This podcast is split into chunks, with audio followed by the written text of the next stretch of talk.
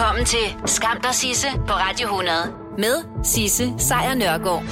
Ja, velkommen til. Det her, det er som bekendt bare en podcast. Hvis du vil høre The Real Deal, så er det hver dag 12-15. Men nu har jeg altså samlet det, som jeg synes, der er skamløst godt fra sidste uges program i en podcast til dig. Hey, det var så lidt. Skam der Sisse på Radio 100 præsenterer Skamløse fornøjelser. Ja, så skal vi til det. Det er nu, at 11 års filmisk historiefortælling kommer til at kulminere i morgen. God, seems like a thousand years ago. I fought my way out of that cave, became Iron Man. Realized I loved you. I know I said no more surprises, but i was really hoping to pull off one last one. Ja, du troede, Tony Stark. Men må altså ikke også, at du klarer den, når den her længe, længe, længe, længe, længe ventede superheltefilm Avengers Endgame, den får øh, premiere verden over, og det var som bekendt allerede i morgen.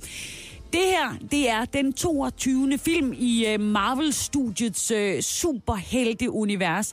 Og den kommer altså allerede øh, nu her, mindre end to måneder efter, at den øh, sidste film, det er den, der hedder Captain Marvel, den kom på gaden.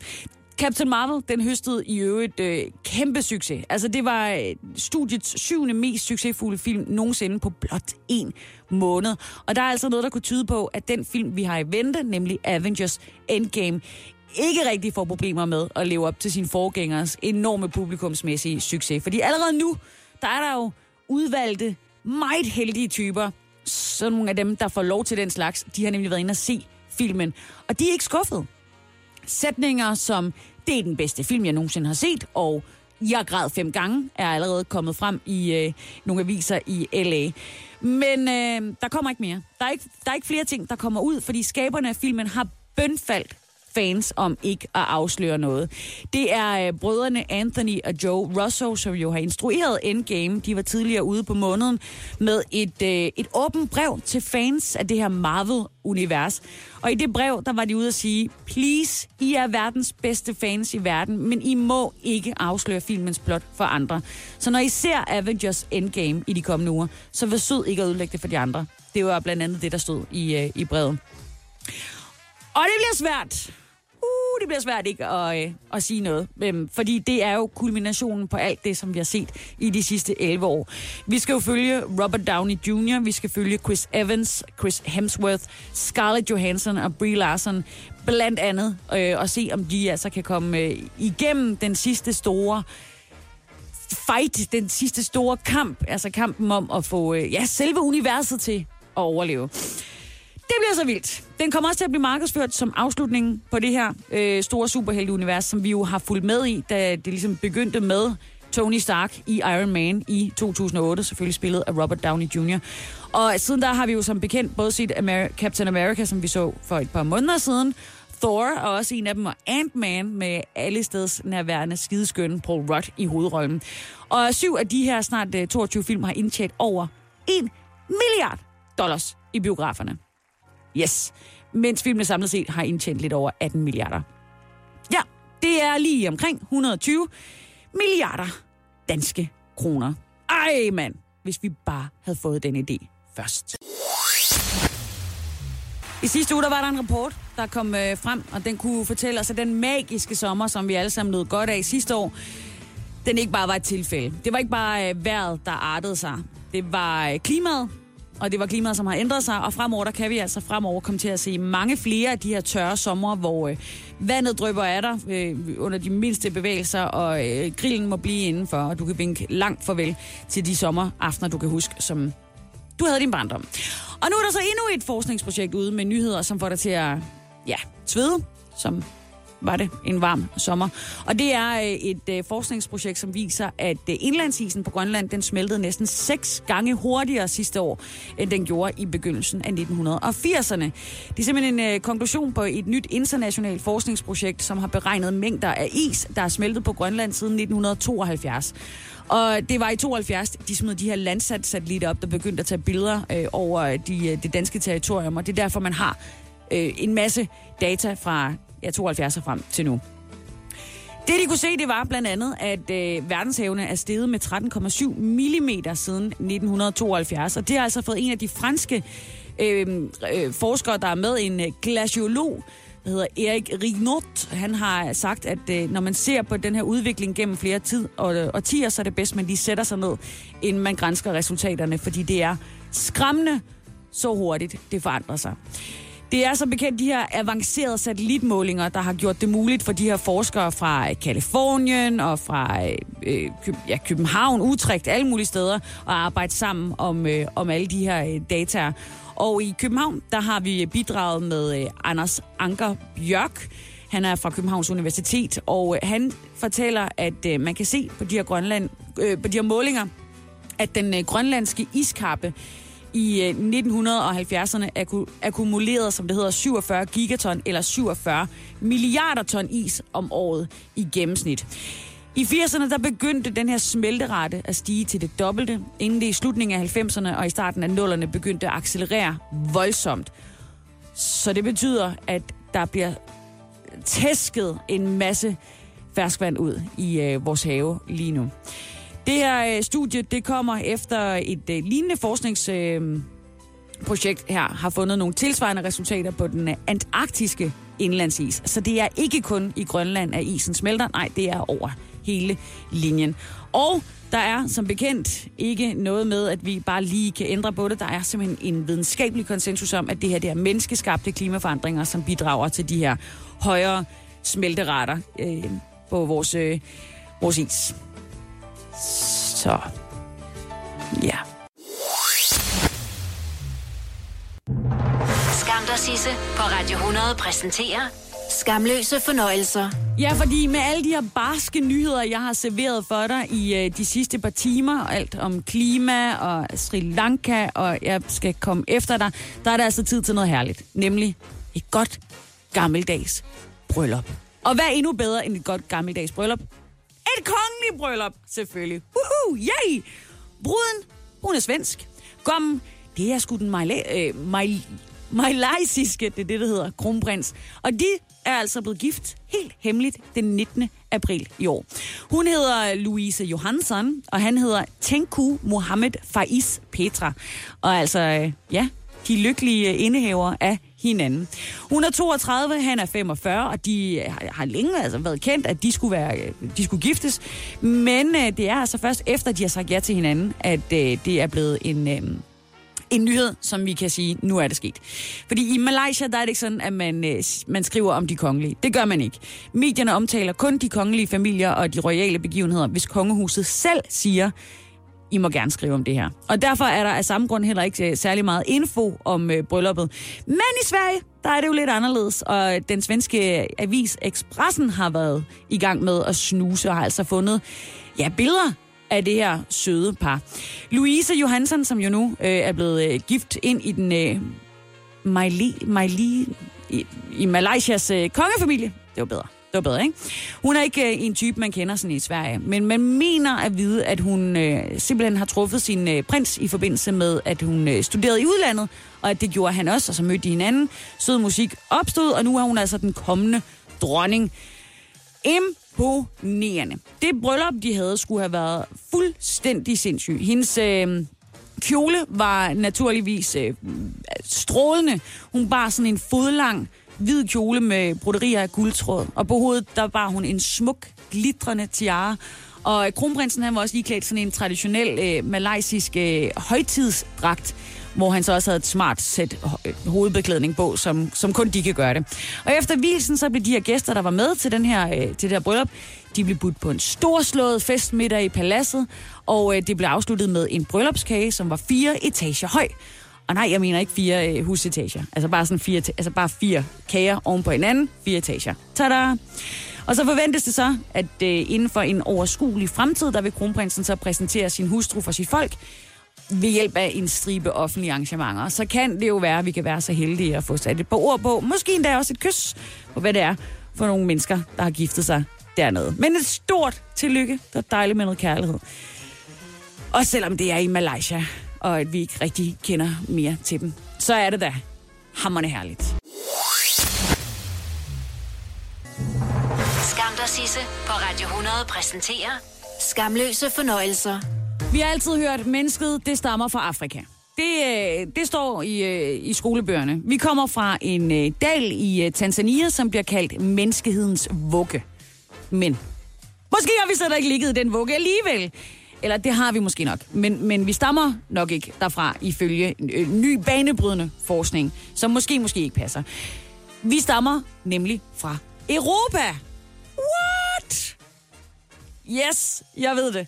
Det er en opsigtsvækkende hypotese, og det er også en opsigtsvækkende hypotese, der er i strid med næsten alle traditionelle teorier. Og den bliver altså for nylig fremført af et forskerhold, som bliver ledet af en fyr, der hedder David Begun. Han er antropolog, og det er han på øh, Universitetet i øh, Toronto i Canada. Og han har altså brugt det, der kaldes moderne teknologi. Han valgte simpelthen at kaste den gamle teknologi væk, og så tog han den moderne. Og så har han altså lavet analyser af 8-9 millioner år gamle kæbeben med tænder fra et abelignende væsen, som blev fundet i det forrige århundrede, altså tilbage i 1990'erne i Grækenland. Og på den baggrund af de analyser, han har taget af det her abelignende væsen, der konkluderer han nu, at de oprindelige analyser, som der blev lavet før, det var fejlagtige konklusioner. Fordi kæberne sad ikke på en abe i klassisk forstand. Det mener David Begon. Ah, ah. I stedet så stammer de her fossile rester fra en meget tidlig udgave af en fortidig menneskeab. Til med fra den muligvis tidligste forfader til fortidsmennesker, og dermed i sidste ende til os, homo sapiens. Jeg ved det! Alt det, vi har lært, det kan vi nu måske glemme. For David og hans øh, team, de argumenterer for, at det her angivelige proto menneske, måske er forløberen for en øh, anden europæisk menneskeab, som der så er fundet øh, rester af i Grækenland og i Bulgarien. Den godt 7 millioner år gammel art, der hedder Greukopioticus. Ja, det udtaler jeg nok helt af helvede til, og det er jo derfor, jeg ikke er forsker, for jeg kan ikke latin. Men har de her forskere så ret i deres hypotese, så kan det her prototype menneske have været vandret til Afrika, måske på grund af klimaforandringer, og så derefter udviklet sig i forskellige retninger, som i sidste ombæring førte til homo sapiens opståen i Afrika for små 300.000 år siden. Amen altså, breaking news! Der skal imidlertid meget mere, øh, mange flere beviser til, før man sådan for alvor vil begynde at lytte til, øh, til David Begon og hans øh, teorier om, øh, om menneskets øh, oprindelse. Øh. Lige siden, at den britiske naturforsker Charles Darwin, som man jo godt kender, øh, han tilbage i 1871 udgav det her værk, som vi jo alle sammen slår op i hele tiden, nemlig menneskets afstamning og paringsvalget så har det altså været en øh, opfattelse, en gængs videnskabelig opfattelse, at mennesket har sine rødder i Afrika. Og over for øh, New Scientist, som altså har publiceret øh, David Begons øh, undersøgelser, så er der også en del andre forskere, der peger på, at øh, analyser af et sæt kæber ikke helt er tilstrækkeligt til at drage så vidtrækkende videnskabelige konklusioner. Men hey! Hvis det er, damn, så bliver der lavet om på nogle højere drejninger her i Europa. Skam dig, Sisse på Radio 100 præsenterer Skamløse fornøjelser. Fordi helt apropos viralt, så har jeg altså fået mig en ny viral held. Jeg kan nemlig ikke få nok af ham her. Alting synes lige i øjeblikket at dreje sig om Rasmus Paludan. En på mange måder kedelig kal, øh, træls at høre på osv og bruge nogle underlige, øh, stærke udtryk. Ja, og det skal nemlig slet ikke handle om Rasmus Paludan. Det skal handle om ingen ringer end Dansk Folkepartis egen Søren Espersen. Han har nemlig knækket koden, om man vil, inden for øh, viral markedsføring. Fordi hvem kan for eksempel stå for det her? Ja, du dus med himlens fugle og skovens grønne træer. Forstår du alle hjerter, som banker her og der? Kan du smile til en kronhjort og vinke til en stær, så har du fundet ind til det, som gør livet allermest værd. Der er nogen, der siger, at Dansk Folkeparti bare vil have sådan et Morten Kork-samfund. Og ved I hvad? Sagt her i en lukkekreds. Det er fuldstændig rigtigt. Selvfølgelig vil vi have det. Ja, selvfølgelig vil de have det. Det er altså Søren Espersen, når han er aller, aller bedst, og jeg håber virkelig, at han har betalt sin kone for at optage de her videoer, som han lægger ind på sin Facebook-side. Fordi de er genialers, og hun burde komme på en lønningsliste. Men i dag, der lagde han simpelthen også, eller jeg tror faktisk, det var i, øh, i aftes, der lagde han sådan et spin-off fra Love Actually-scenen, der hvor øh, fyren han står uden for døren med en masse skilte, mens der bliver spillet noget musik, så man kan snige en masse budskaber ind. Sådan en lagde han op i dag, Søren Espersen. Og den er genial, og den er virkelig sjov på video. Jeg vil anbefale at gå ind og se den, for den giver ikke nogen mening at afspille den på, øh, på radioen. Men den her video, hvor øh, Søren Espersen bliver nødt til at tage et koldt brusebad, da han er rasende, den er også genial. Jeg er rødglødende af raseri. Jeg har lige hørt i radioen, at Ole Bornedal er nødt til at tage et koldt brusebad. Bare for at komme over det her. Ole Bornedal, manden bag Danmarks historiens største historiske film, Fiasko, har fået millioner igen af Filminstituttet til at lave en ny historisk film nu under 2. verdenskrig. Jeg kan ikke forstå det. Jeg kan ikke forstå, at vi skal igennem den farse for. Han er simpelthen ikke manden til det her. Det går ikke. Hej. Ja, så kan vi bare øh, sige, øh, okay, der er et armslængdeprincip og sådan nogle ting, altså der som... Men det er lige meget. Det er fuldstændig lige meget, fordi øh, for Søren Espersen fra Dansk Folkeparti, der er valget gået i gang, og må det aldrig nogensinde. Må den her valgkamp aldrig nogensinde ende, fordi jeg kan ikke vente med at se, hvad han ellers har i ærmet af tricks. Se ham. Se ham virkelig. Skynd dig ind på hans øh, Facebook-side. Det er, det er faktisk der, hvor jeg siger, det er et like værd. Skam dig, Sisse på Radio 100 præsenterer Skamløse fornøjelser. Vi ved jo godt, at den er helt gal med vores øh, klode, vores øh, planet sveder, og der er som bekendt ikke nogen planet B. Og det har altså fået en række af America's Finest til at gå sammen. De har simpelthen lavet en video, og den begynder på en øh, varm sommerdag i downtown LA i øh, Kalifornien, hvor en flok unger er ved at maltraktere en øh, skraldespand, da der pludselig sker noget. I don't know, dude. No, you Get him in the trash. Get him in the trash. Three, two, one. Oh. That's like throw me in a trash can. Pick it up, dork. What did you just say?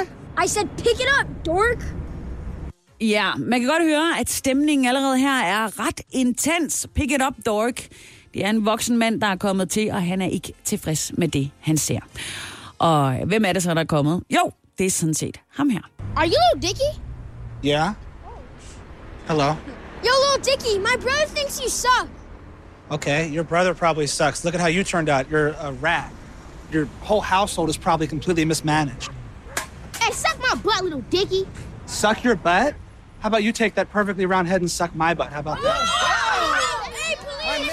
Pick up the trash. He's trying to eat our butt. There's an environmental crisis right now, and you're just gonna litter on the street? Ja, det er rapperen Lil Dicky, som altså har kastet sig over det, han øh, selv kalder for sit livs vigtigste arbejde. Og nej, her mener jeg ikke med bare lige at få en flok irriterende teenager til at tage sig sammen og samle skraldet op, som de har kastet rundt med på gaden i det brandvarme LA. Nej, det handler om, at han har lavet en sang. Og han har lavet en sang sammen med Ariana Grande, Justin Bieber, Ed Sheeran, Kanye West er også med. Øh, Leonardo DiCaprio, Megan Trainer, og jeg kunne blive ved. Men det gør jeg ikke. Fordi lige om et øjeblik, der kommer jeg til at spille den her video, og, øhm, og i det hele taget hele klippet, som øhm, er en forrygende, øh, sjov parodi på alle de her øh, fortællinger om, at vi skal redde verden, men samtidig så vil den også noget. Og så skal vi altså tilbage til rapperen Little Diggy, som jo altså som bekendt har kastet sig over det, han kalder sit livs vigtigste arbejde. Og nej, det var ikke mere for de her irriterende møgeunger, du lige hørte for lidt siden til at samle deres skrald op. Det er jo simpelthen et stykke arbejde, der involverer nogle af de aller, aller største inden for amerikansk showbiz. Øhm, så vi går tilbage til videoen. For en af de her drenge i den her video, øh, han begynder at rydde op. Og pludselig så ser han en gammel mystisk bog, som får en til at tænke på øh, uh, Neverending Story fra 1980'erne, hvis du er så gammel. Og han åbner den, og så sker der det her.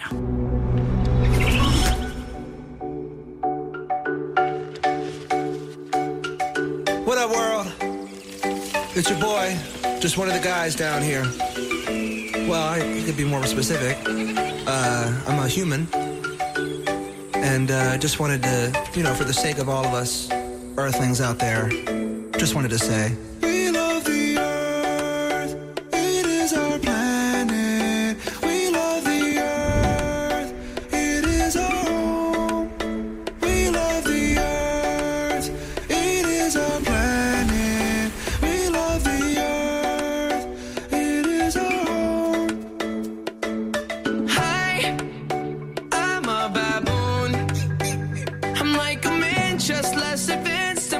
is you.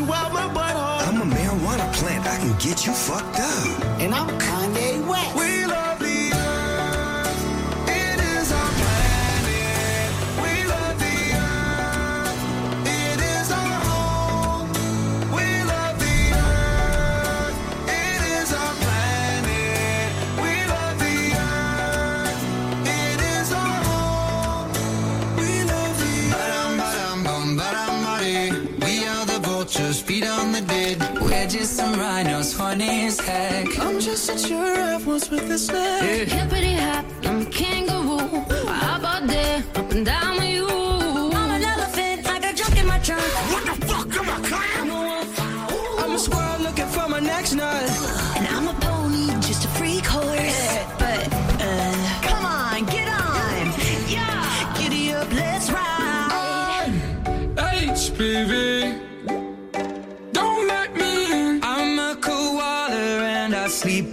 Time. So what? It's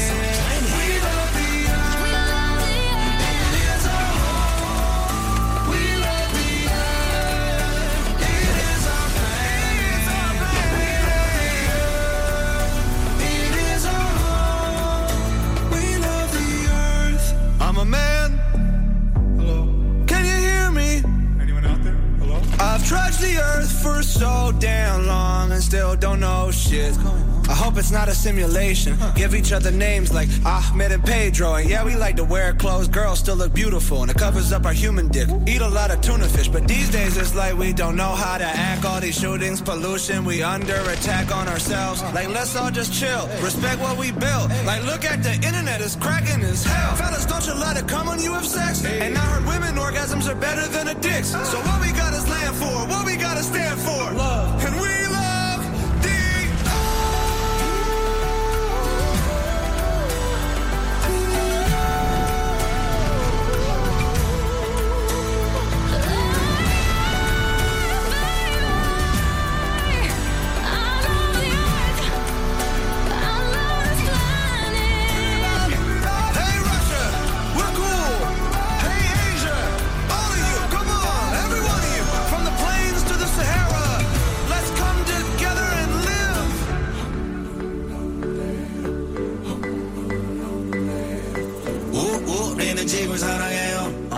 Tierra. Woman ha dicho.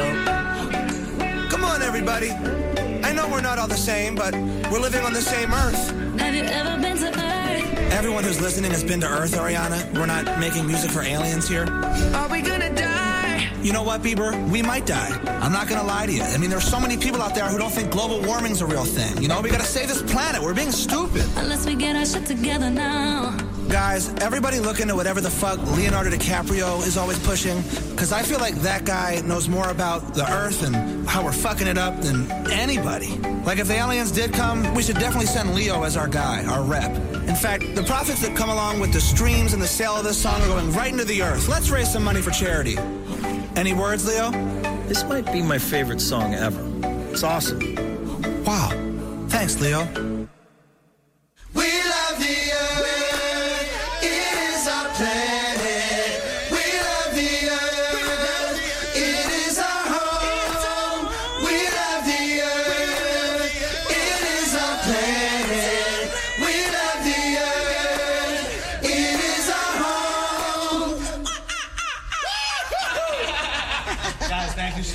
Honestly, everybody, scientists are saying that we have about 12 years to turn this environmental crisis around or we're screwed. What do you say? You guys want to save the world?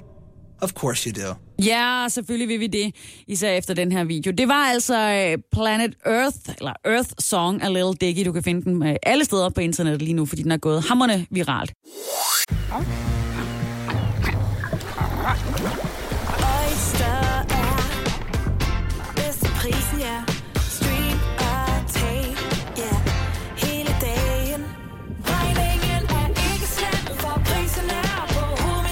vend prisen helt på hovedet. Nu kan du få fri tale 50 GB data for kun 66 kroner de første 6 måneder. Øjster, det er bedst til prisen. Her kommer en nyhed fra Hyundai. Vi har sat priserne ned på en række af vores populære modeller. For eksempel den prisvindende Ioniq 5, som med det store batteri nu kan fås fra lige under 350.000. Eller den nye Kona Electric, som du kan spare 20.000 kroner på. Kom til Åbent Hus i weekenden og se alle modellerne, der har fået nye, attraktive priser. Hyundai. Med Bosch får du bæredygtighed, der varer ved. Vaskemaskiner, som du ser så nøjagtigt, at de sparer både vaskemiddel og vand. Opvaskemaskiner, som bruger mindre strøm. Og køleskabe, som holder maden frisk længere. Slidstærke produkter, der hverken sløser med vand eller energi. Vi har opfyldt et ønske hos danskerne. Nemlig at se den ikoniske tom skildpadde ret sammen med vores McFlurry. Det er da den bedste nyhed siden nogensinde. Prøv den lækre McFlurry tom skildpadde hos McDonald's.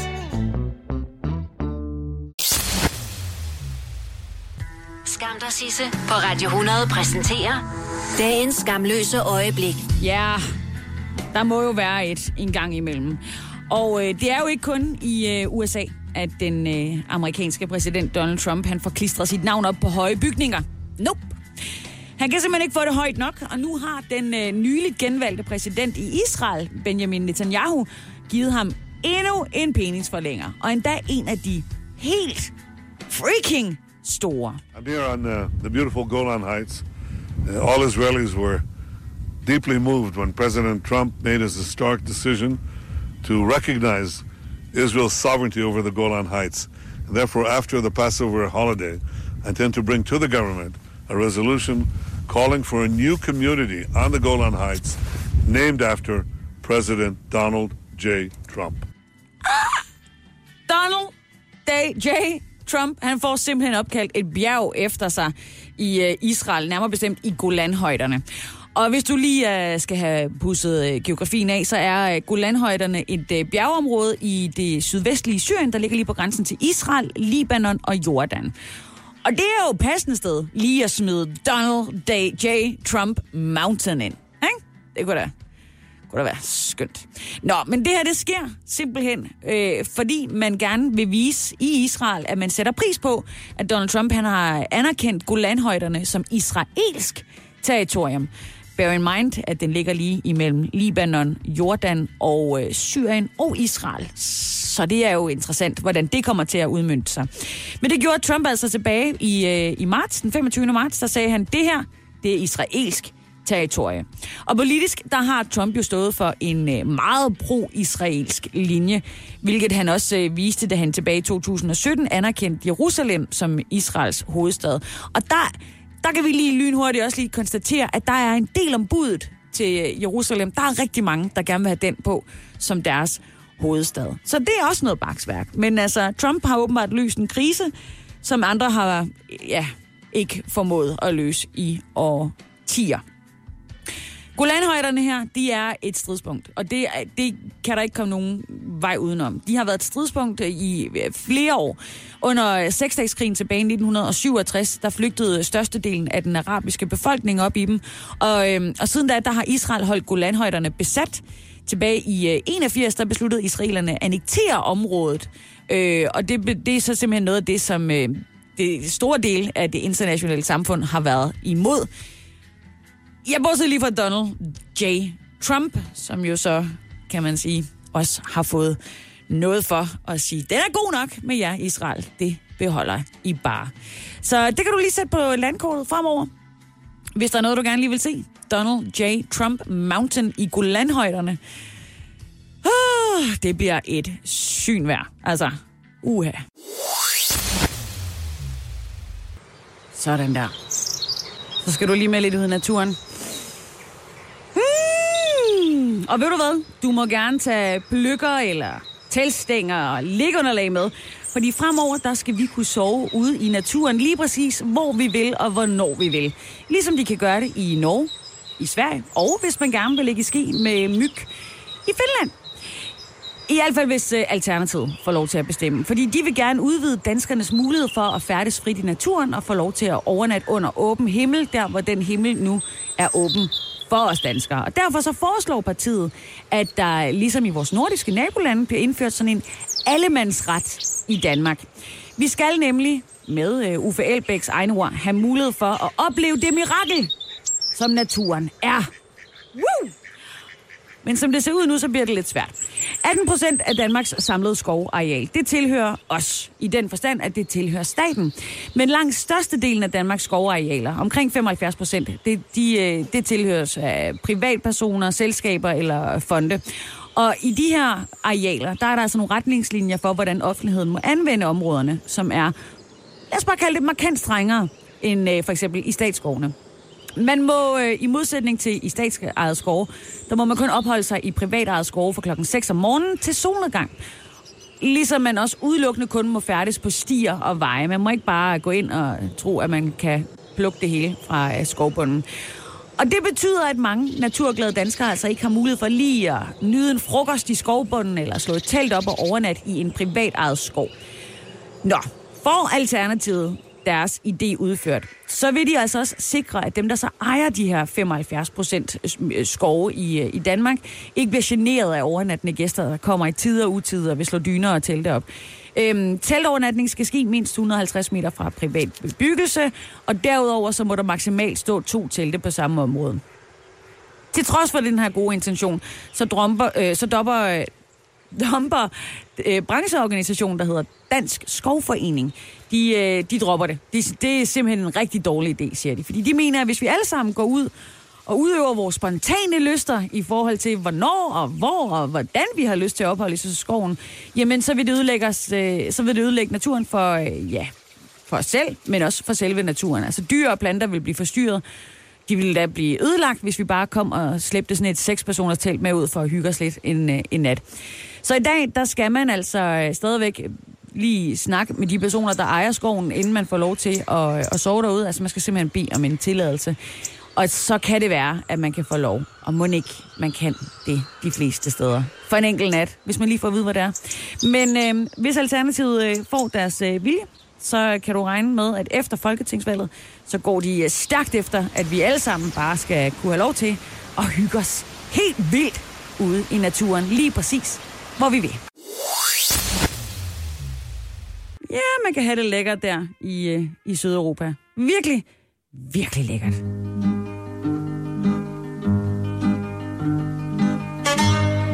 Men kan du huske dengang, hvor det gik helt af helvede til med Grækenland?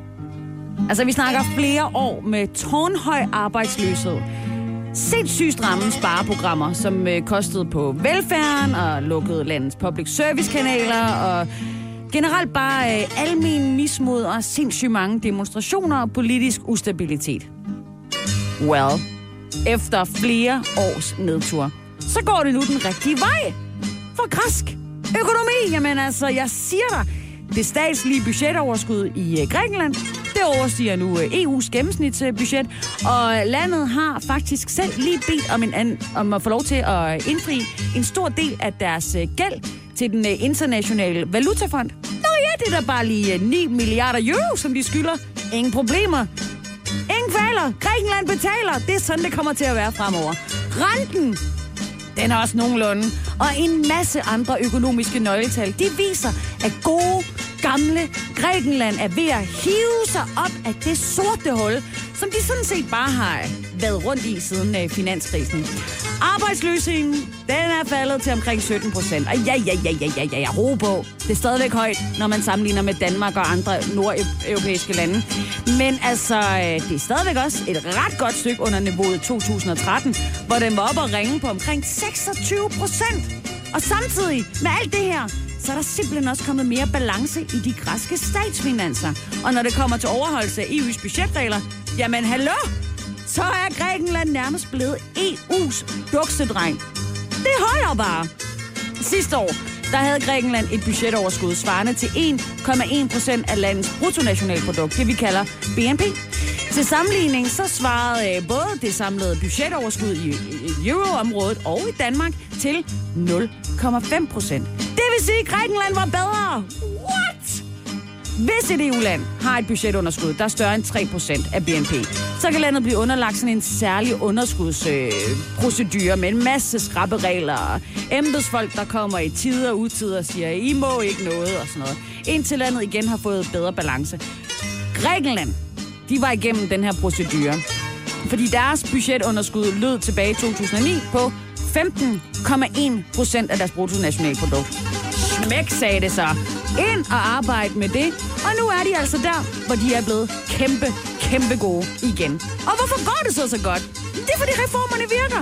Alle de skrappe reformer, som landet blev nødt til at gennemføre for at få hjælpepakker fra den såkaldte trojka, de bærer frugt. Der er stabilitet, det kører, de hygger sig, de vækster, og alt det her, det sker, fordi de bare udvikler sig strålende på trods af, at de havde den største nedtur på. Amen altså, skal vi lige. Woo! Woo!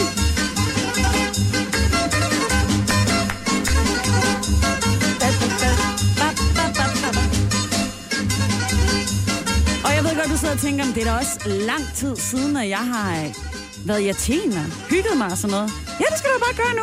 Og jeg ved også, du sidder og tænker, men det er fint nok med Grækenland. Men hvem er så den helt store europæiske taber i de her dage? Og der vil jeg bare sige, mellem dig og mig, ikke? så er det øhm, Italien. Skam dig, Sisse, på Radio 100 præsenterer Skammens top 3. Yep. Så skal vi til det. 1, 2, 3 omgange med helt privat skam leveret til dig fra mig. Simpelthen for, at jeg kan slippe det og komme videre i min hverdag. Og jeg garanterer dig for, at det øh, virker. Sig det højt, du skammer dig over, og så forsvinder det. Det gør det simpelthen.